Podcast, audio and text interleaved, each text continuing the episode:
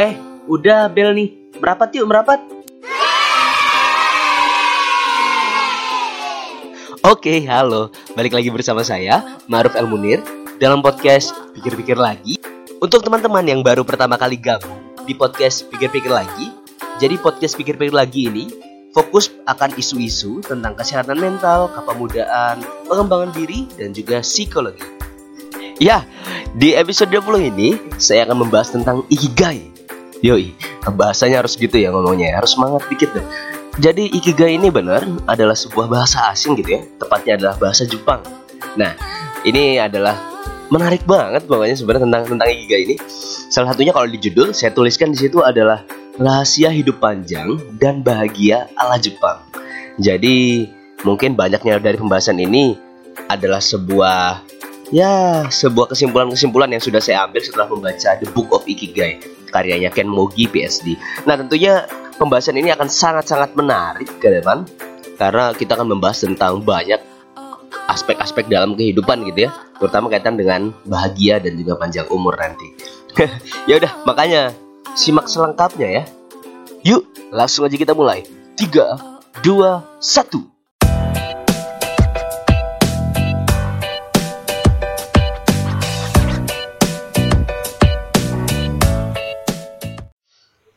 Nah, kita mulai dengan ikigai. Ikigai ini adalah eh sebentar sebentar. Kayaknya kita harus milih background eh background backsound maksudnya backsound yang pas sebentar. Saya pilih dulu.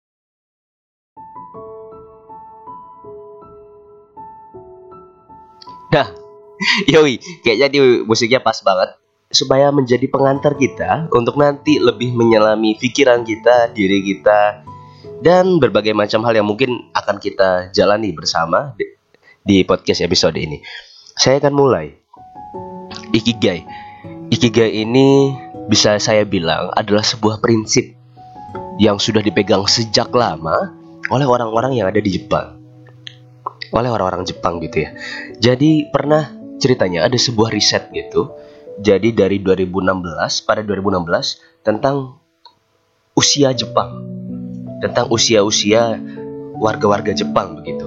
Nah, salah satu hasilnya ternyata diketahui bahwasannya Jepang itu memiliki rasio umur panjang itu yang peringkat atas lah, yaitu yang di mana prianya itu menempati posisi 4 dengan rasio umurnya sekitar 80,79 tahun.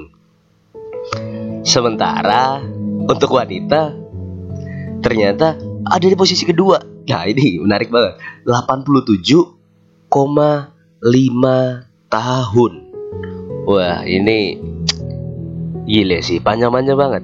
Kalau kita sebagai warga Indonesia, kayaknya ya gimana ya, jarang-jarang, termasuk jarang banget yang ada, terutama yang di masa-masa sekarang ya jarang. Atau mungkin kakek nenek kalian gimana? Sudah ada di apa? Ada di umur berapa? Mungkin ya bisa saya bilang mulai sakit-sakitan dan atau mungkin yang sudah wafat gitu ya. Semoga ditempatkan yang terbaik. Kira-kira di umur berapa wafatnya? Nah, jadi sebenarnya saya agak bingung ini. Memulainya harus dari mana? Karena sebenarnya sangat banyak yang ingin saya jelaskan kepada teman-teman. Tapi setidaknya saya akan mulai dari sini.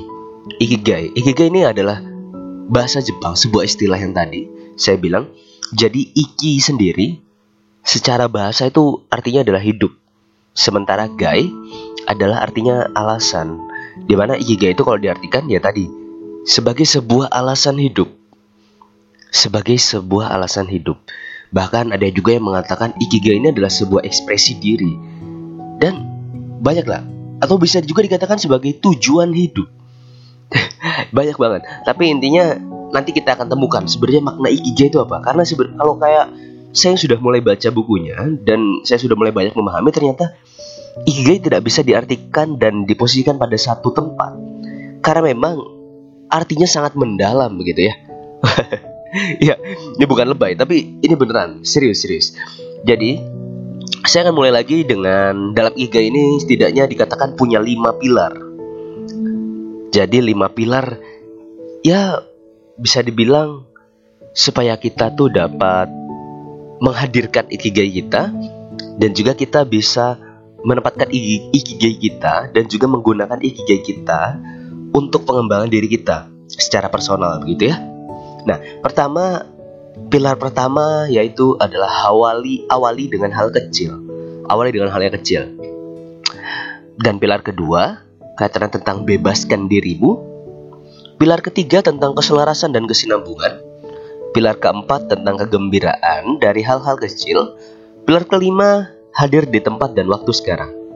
Nah, oke, okay, saya akan mulai membahas satu persatu. Tapi sebelumnya saya sepertinya akan mohon maaf terlebih dahulu bila nanti akan ada part-part yang mungkin lompat gitu ya.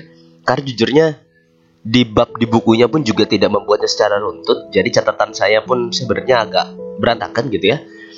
Tapi saya akan mulai saya akan mulai membahas tentang awali dengan hal kecil.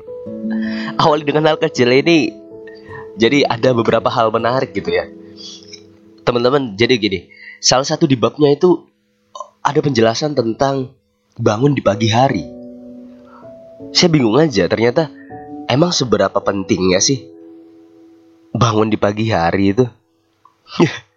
ternyata bangun di pagi hari itu adalah sebuah bentuk nyata di mana kalau kita itu punya alasan untuk bangun di pagi hari atau kita punya tujuan untuk kita lakukan atau kita punya agenda intinya punya sesuatu yang kita tuju jadi untuk teman-teman yang sebenarnya agak susah gitu ya untuk bangun pagi dan arti suka menunda-nunda bangunnya ya kemungkinan sedang saya nggak bisa bilang tidak punya tujuan jangan-jangan dalam menetapkan tujuan belum kuat.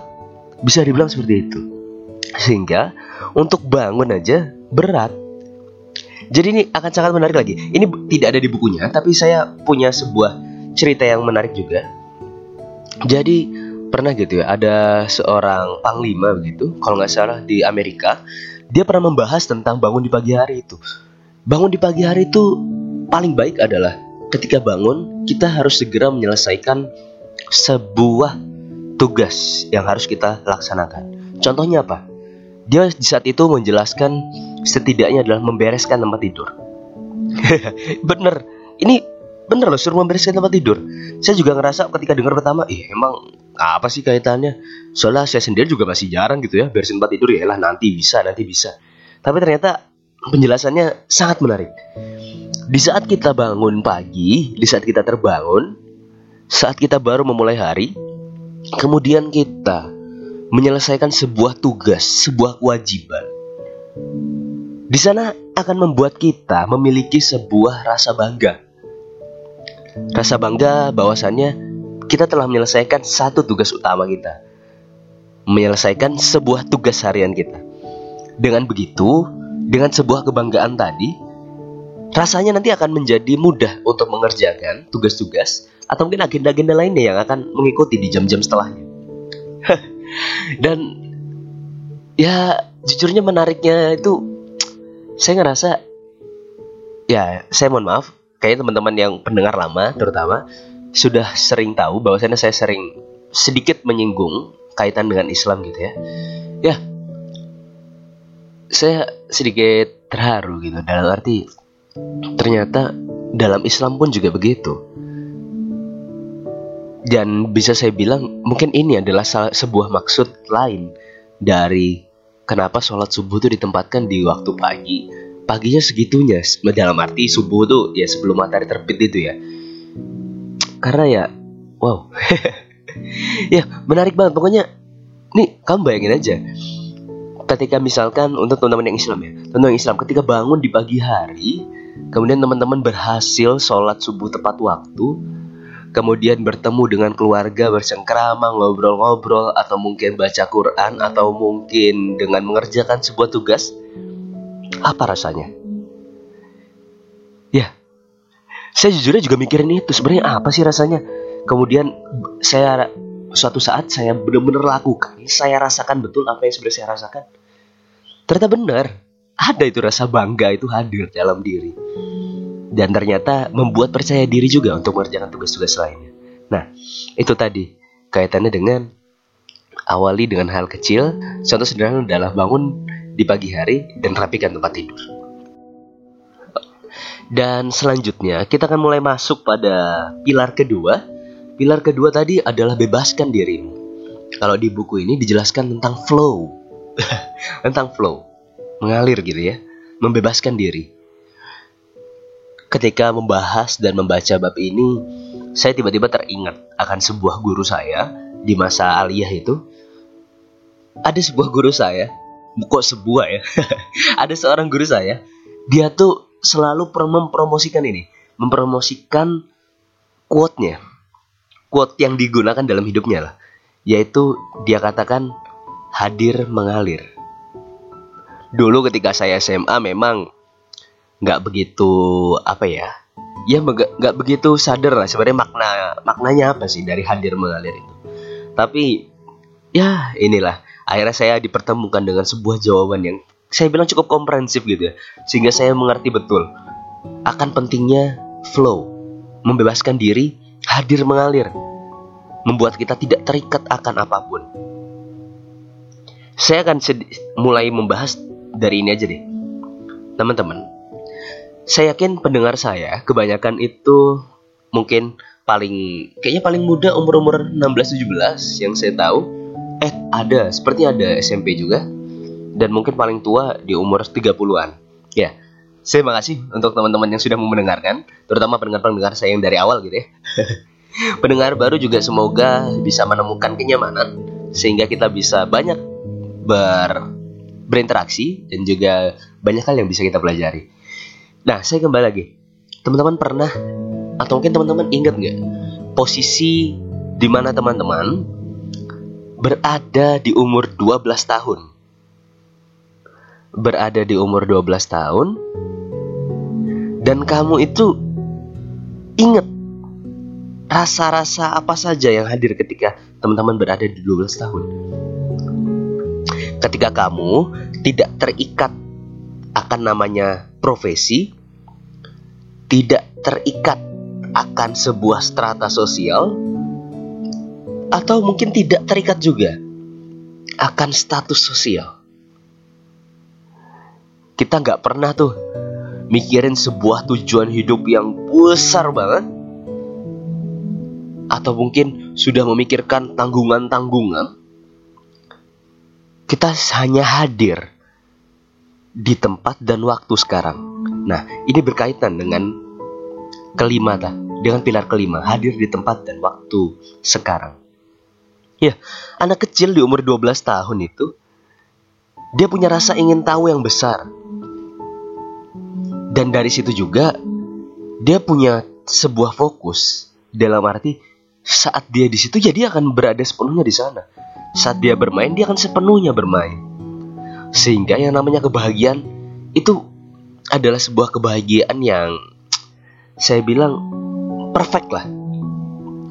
Perfect banget Bahkan saya yakin di antara teman-teman ini, lulu pada ini, kamu-kamu ini pasti ada memori-memori di mana bermain di masa kecil.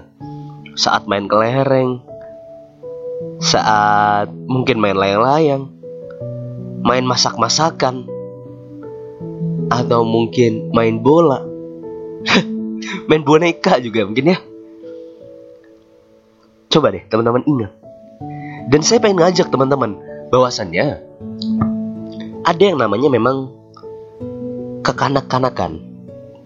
Tapi di sini saya bilang ke kamu gak ada salahnya untuk mempertahankan 12 tahun ini dalam beberapa sikap dan beberapa sifat gitu maksudnya. Salah satu contohnya adalah rasa ingin tahu yang besar dan juga tadi di awal hadir mengalir hadir mengalir aja. Kita harus menghadirkan diri dan waktu kita dan ya pokoknya segala sesuatu yang diri kita hadir di tempat itu sekarang. Karena yang kita jalani adalah yang saat ini, bukan masa lalu, bukan masa depan. Ini kaitannya dengan pilar kelima tadi, hadir di tempat dan waktu sekarang.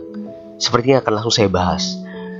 Hadir di tempat dan waktu sekarang ini kan adalah sebuah konsep yang juga cukup universal sekarang karena sudah makin banyak yang menggunakan. Mungkin teman-teman akan pernah mendengar istilah ini, yaitu mindfulness. Cah, iya mindfulness. Mindfulness ini ternyata ada di pilar Ikigai. Makanya saya bilang sangat erat kaitannya dengan nomor dua tadi, bebaskan dirimu. Oke, dan sekarang saya mulai lanjut lagi di bagian pilar ketiga. Pilar ketiga kaitannya dengan keselarasan dan kesinambungan. Kaitannya dengan keselarasan dan kesinambungan, bangsa Jepang itu bisa dibilang adalah sebuah bangsa yang mungkin perfeksionis gitu ya. Bahkan yang tadi saya bilang orang-orangnya itu kan bisa sangat task oriented bisa fokus banget nih yang kerjaan dan segala macem gitu ya. Tapi ada hal menarik fakta yang menjelaskan tentang keselarasan dan kesinambungan. Jepang itu pada masanya pernah berada di posisi dia banyak mengimpor barang. Tapi dengan adanya pilar ikigai keselarasan dan kesinambungan, impor itu tidak semata-mata impor. Tapi dia mempelajarinya dengan mempelajarinya, dia menyesuaikan dan akhirnya dia bisa menguasai sesuatu yang diimpor itu. Jadi bukan hanya sekedar impor tapi dipelajari, disesuaikan sehingga suatu saat dia bisa menguasai dan akhirnya dia tidak perlu lagi tuh namanya mengimpor. Kaitan dengan keselarasan dan kesinambungan.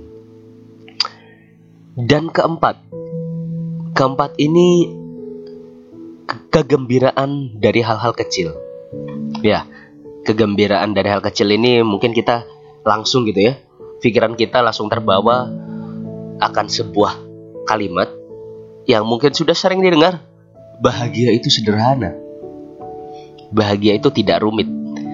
Ini ya kayaknya saya nggak perlu ngejelasin terlalu banyak tentang bahagia karena teman-teman tentunya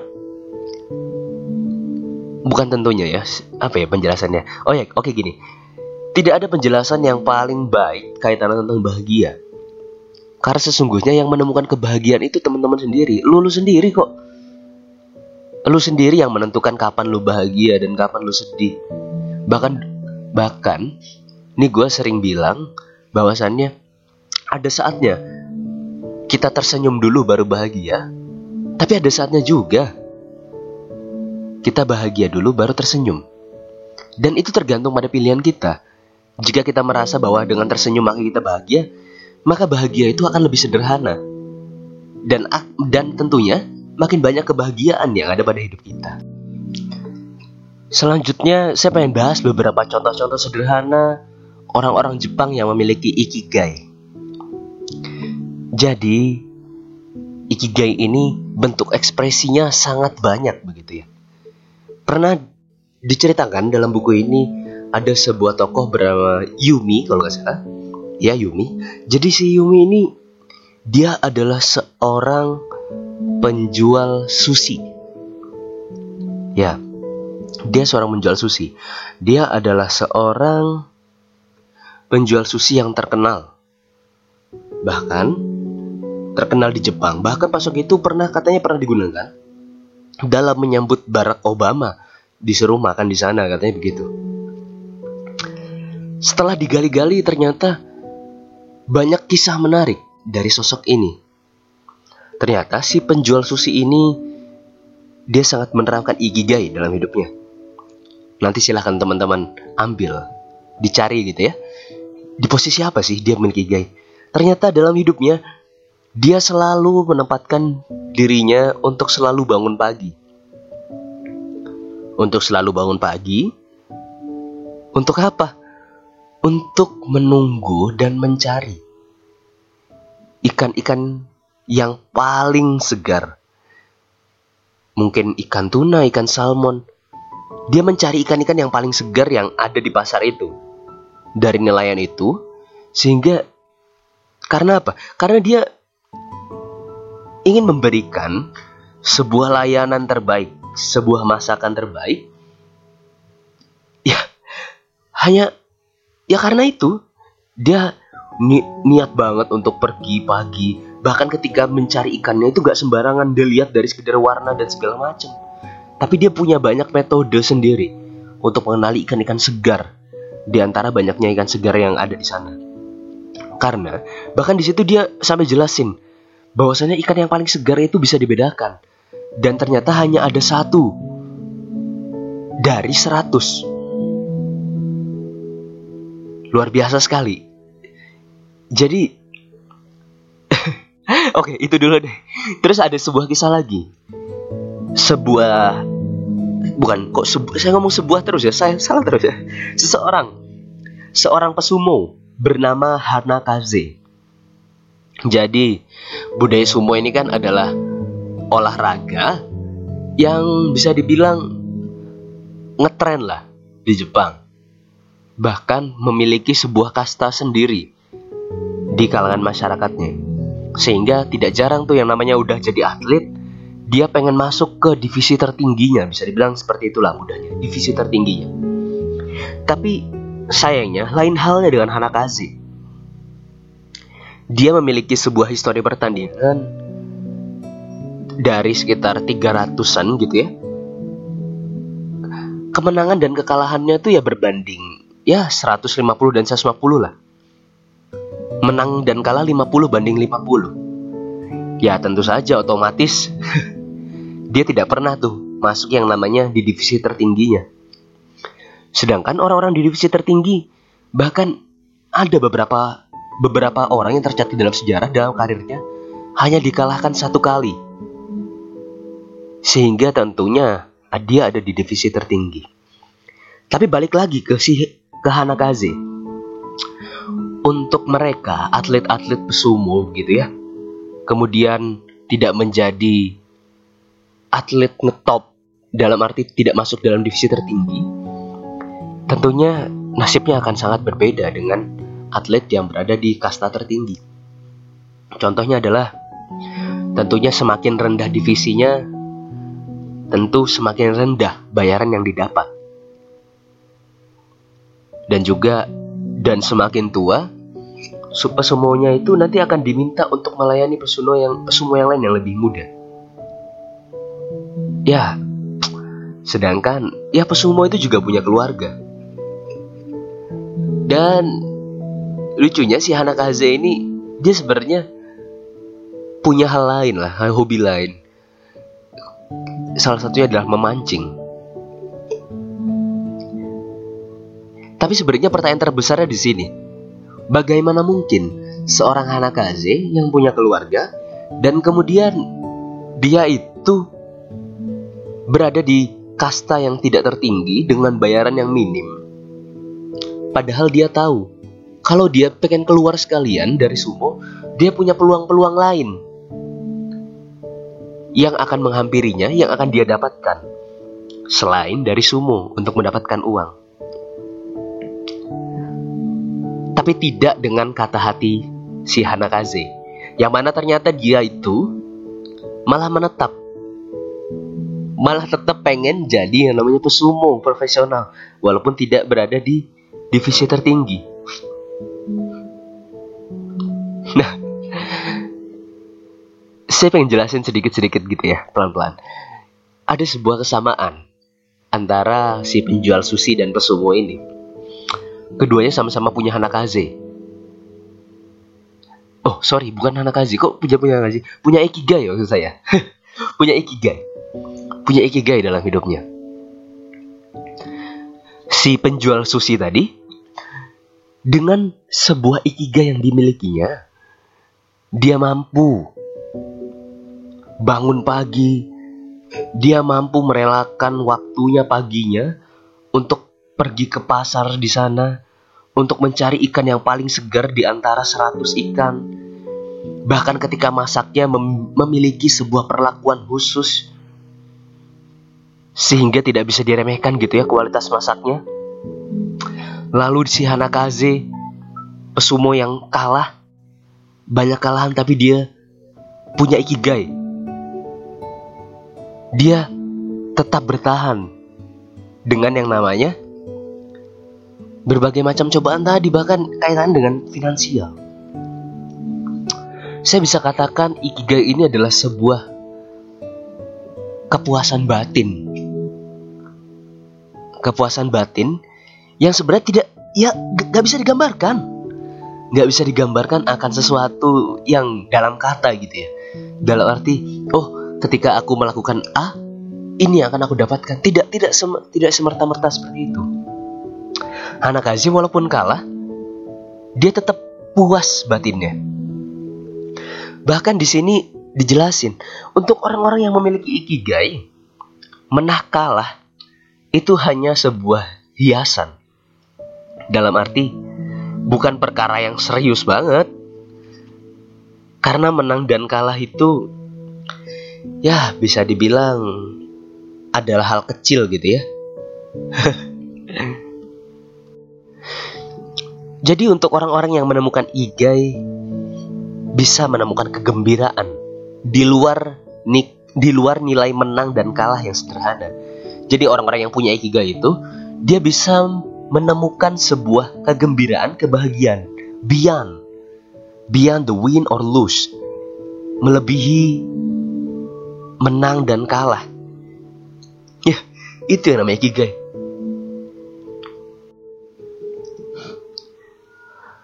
Memang sebenarnya tidak ada henti-hentinya. Saya cukup mengagumi yang namanya Jepang. Bahkan saya cukup mengagumi ini sedari kecil. Coba tebak apa yang membuat saya sebegitu sukanya dari kecil? Sederhana. Karena Subasa, karena Naruto, karena One Piece. Tiga komik ini. Karena jujurnya tiga komik inilah yang udah membersamai gua dalam hidup ini. Mungkin berarti sudah terhitung hampir 15 tahun lah. Ada kayaknya 15 tahun. Ya tokoh-tokoh ini yang bersamai si Luffy, terus juga Naruto sampai sekarang punya anak dan lu masih jomblo. ya, coba dibayangin. Dan pernah gak sih teman-teman sadari bahwasannya banyak hal baik yang bisa kita ambil dari komik-komik itu. Dan saya jujur pada saat membaca buku Ikigai ini kaget. Ternyata ada juga pembahasan tentang manga ini. Salah satunya menjelaskan bahwasannya manga-manga ini nggak sembarangan dibuat. Dalam arti Jepang itu sudah mengkonsep semua. Manga-manga ini sengaja dibuat untuk menanamkan nilai-nilai tertentu pada anak-anak. Coba, salah satu yang dijelaskan dalam buku ini ada tiga hal yang paling utama yang selalu ada dan ditanamkan dalam komik-komiknya itu. Pertama adalah pertemanan, kedua perjuangan, dan ketiga adalah kemenangan. Ya, ini adalah mungkin yang paling gampang dari siapa ya? Pertemanan deh. Pertemanan. Kalau seandainya kita lihat Naruto gitu ya. Masa kecilnya sendiri gitu. Banyak diasingkan oleh orang-orang di sekitarnya. Kemudian dia berjuang sampai akhirnya teman-temannya mulai mengakui. Dan akhirnya ya mungkin sekarang sudah menjadi Hokage. Ada pula Luffy yang dia mengarungi lautan sendiri kemudian mencari awak kabinnya, mencari bawahan untuk bajak lautnya dia. Kemudian dia uh, melawan musuh-musuh yang luar biasa, musuh-musuh yang jauh lebih kuat. Kemudian akhirnya dia semakin mendapati banyak teman, mengajak teman-temannya untuk berjuang bersama dia. Dan sepertinya karena belum selesai ya, Luffy pada saatnya nanti akan mendapatkan kemenangan itu. Mimpinya itu. Mimpinya adalah menjadi raja bajak laut. Dan Naruto, mungkin sekarang Naruto sudah mencapai mimpinya, yaitu menjadi Hokage. Dan Subasa juga contohnya mungkin menjadi juara Piala Dunia. Mimpinya. Ternyata wow, banyak banget lah hal-hal yang menarik dari Jepang gitu ya. Dan ini mungkin adalah menjadi sebuah ini ya part terakhir dari penjelasan ikigai pada episode ini. Selain tadi ada lima pilar, sebenarnya ada empat hal yang bisa digunakan untuk bagaimana kita menemukan ikigai kita sendiri. Bagaimana kita menemukan sebuah uh, sesuatu yang beyond the mission, passion, profession, or vocation. It's ikigai. Nah, dari empat itu pertama ada yang namanya what we love, apa yang kita cintai. Kedua, what we are good at. Ketiga, what we can be paid for. Dan keempat, what the world needs. Pertama adalah apa yang kita cintai. Kedua, apa atau mungkin di mana kita melakukan sesuatu itu dengan baik. Ketiga, di mana kita bisa melakukan sesuatu yang dibayar. Dan keempat, melakukan sesuatu yang dibutuhkan oleh dunia.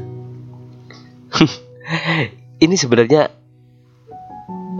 penjelasan yang cukup rumit dalam arti begini. Teman-teman mungkin sembari mendengarkan ini, mungkin bisa sambil di, di search gitu ya di Google Ikigai.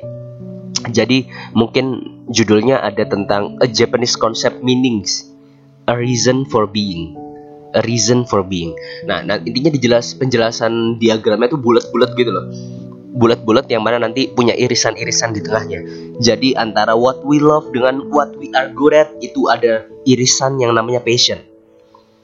Contohnya ya, apa yang kita cintai dan apa yang kita bagus melakukannya itu adalah sebuah passion. Dan apa yang kita bagus dan juga apa yang kita bisa dibayar itu namanya profesi. Dan apa yang kita cintai dan apa yang dunia butuhkan itu namanya misi. Dan terakhir, apa yang dunia butuhkan dan juga apa yang kita bisa lakukan dan dibayar itu adalah sebuah pekerjaan. Jadi tadi ada irisan-irisan lagi gitu ya. Di antara irisan what we love, what we are good at, what we can be paid for, what the world needs. Di tengahnya ada yang namanya ikigai. Ikigai, ikigai ah, bah, kok jadi belibet ya? Ikigai ini adalah bagian dari semua itu. Bagian dari keempat hal itu. Bagian dari apa yang kita cintai, bagian dari apa yang kita lakukan dan kita baik di dalam melakukan hal itu. Gabungan dari kita bisa dibayar dengan apa yang kita lakukan dan juga gabungan dari apa yang sebenarnya dunia butuhkan. Ini gila sih, konsep yang keren banget dalam menentukan sebuah tujuan hidup. Karena tentunya dengan menggunakan ya bisa dibilang apa ya diagram atau apa ya sih chart ya. Ya anggaplah itulah dengan gambaran ini ya jujurnya saya pribadi ketika melihat ini jadi ngerasa apakah yang saya kerjakan ini sudah sesuai dengan ikigai, ikigai saya. Tapi apa pun itu, saya pengen bilang sama teman-teman, jadikan setiap kamu bangun pagi adalah sebuah proses untuk menemukan menemukan ikigai kamu sendiri. Karena ya itu tadi. Bahkan ikigai itu dijelaskan lebih lanjut bisa meningkatkan ya bisa lebih bahagia dan juga lebih panjang umur gitu ya. Waduh, sepertinya ada satu hal yang saya ketinggalan gitu ya. Kaitan dengan konsep bahagia. Kaitan dengan bahagia. Dengan bahagia itu dalam ikigai dia sangat berhati-hati dengan yang namanya ilusi. Jadi dalam bab ikigai ini ada pembahasan sebuah istilah yang digunakan namanya ilusi terpusat. ilusi terpusat itu adalah saat di mana seakan-akan hanya ada satu alasan untuk bahagia. Seakan-akan bahagia itu hanya ada di sana. Contoh paling sederhana, uang. Kan banyak banget tuh orang di sekeliling kita mengejar uang untuk bahagia. Ini adalah sebuah contoh ilusi ter ilusi terpusat orang-orang yang mengejar uang untuk kebahagiaan, dia tidak sadar bahwa dirinya dirinya sedang dalam sebuah ilusi luar biasa, ilusi terpusat, ilusi besar yang ada di dunia ini. Bahwasannya dengan uang kita bahagia. Padahal kita tahu yang namanya bahagia tadi itu tidak butuh uang. Tapi segala sesuatu juga tetap butuh uang gitu ya. Sehingga uang tetap dibutuhkan. Sebenarnya di konsep yang sudah saya buat untuk episode ini sudah selesai pembahasannya. Tapi nggak tahu masih banyak banget yang pengen saya omongin. Aduh, ini saya harus pintar menahan diri supaya tidak banyak melebar ke sana kemari gitu ya. Tapi intinya mungkin nanti di episode-episode ke depannya akan banyak hal-hal yang bisa saya explore lagi dari Ikigai, tapi bukan Ikigai secara umum, tapi sudah lebih terpusat. Mungkin ah saya akan membahas tentang hadir mengalir itu sendiri, tentang flow, mungkin kaitan dengan ilusi terpusat itu akan saya bahas sendiri. Ya, semoga saja bermanfaat deh pokoknya. Nah, oleh karena itu, sampai di sini dulu ya untuk podcast episode 20 ini. Seperti biasa, saya pengen ngajak teman-teman dan mungkin sekali-kali saya minta tolong banget atau mungkin saya ngemis-ngemis nggak apa-apa kali ya. ya intinya bukan ngemis gimana kok, cuma minta teman-teman setidaknya bisa dong minta tolong podcast saya di like gitu ya untuk support saya supaya semakin semangat untuk berkreasi lagi, untuk bikin karya-karya lagi. Terus ya mungkin kalau di Spotify bisa ada tanda love di sana atau mungkin bisa di follow gitu. Di atau mungkin kalau dengerin di Apple Podcast bisa di subscribe gitu ya. Dan jangan lupa dikasih review. Atau minimal minimal dikasih bintang deh. Kasih bintang dong minimal. Supaya apa? Supaya makin banyak orang yang bisa mengakses podcast ini dan tahu ada podcast yang membahas hal-hal menarik seperti ini. Nah itu apalagi saya akan berterima kasih banget untuk teman-teman yang misalkan mau gitu ya membantu share konten positif ini dengan cara share via Instagram Story. Dan juga jangan lupa tag saya tentunya. IG saya di Maruf El Munir. Atau mungkin bisa juga kalau ngobrol lebih lanjut di email juga boleh. marufelmunir@gmail.com. Ditunggu ya pokoknya share-share story-nya, tag saya biar nanti saya repost biar nanti kita bisa kenalan ngobrol lebih lanjut. Dan tentunya sampai di sini dulu. Sampai jumpa di podcast selanjutnya di podcast pikir-pikir lagi.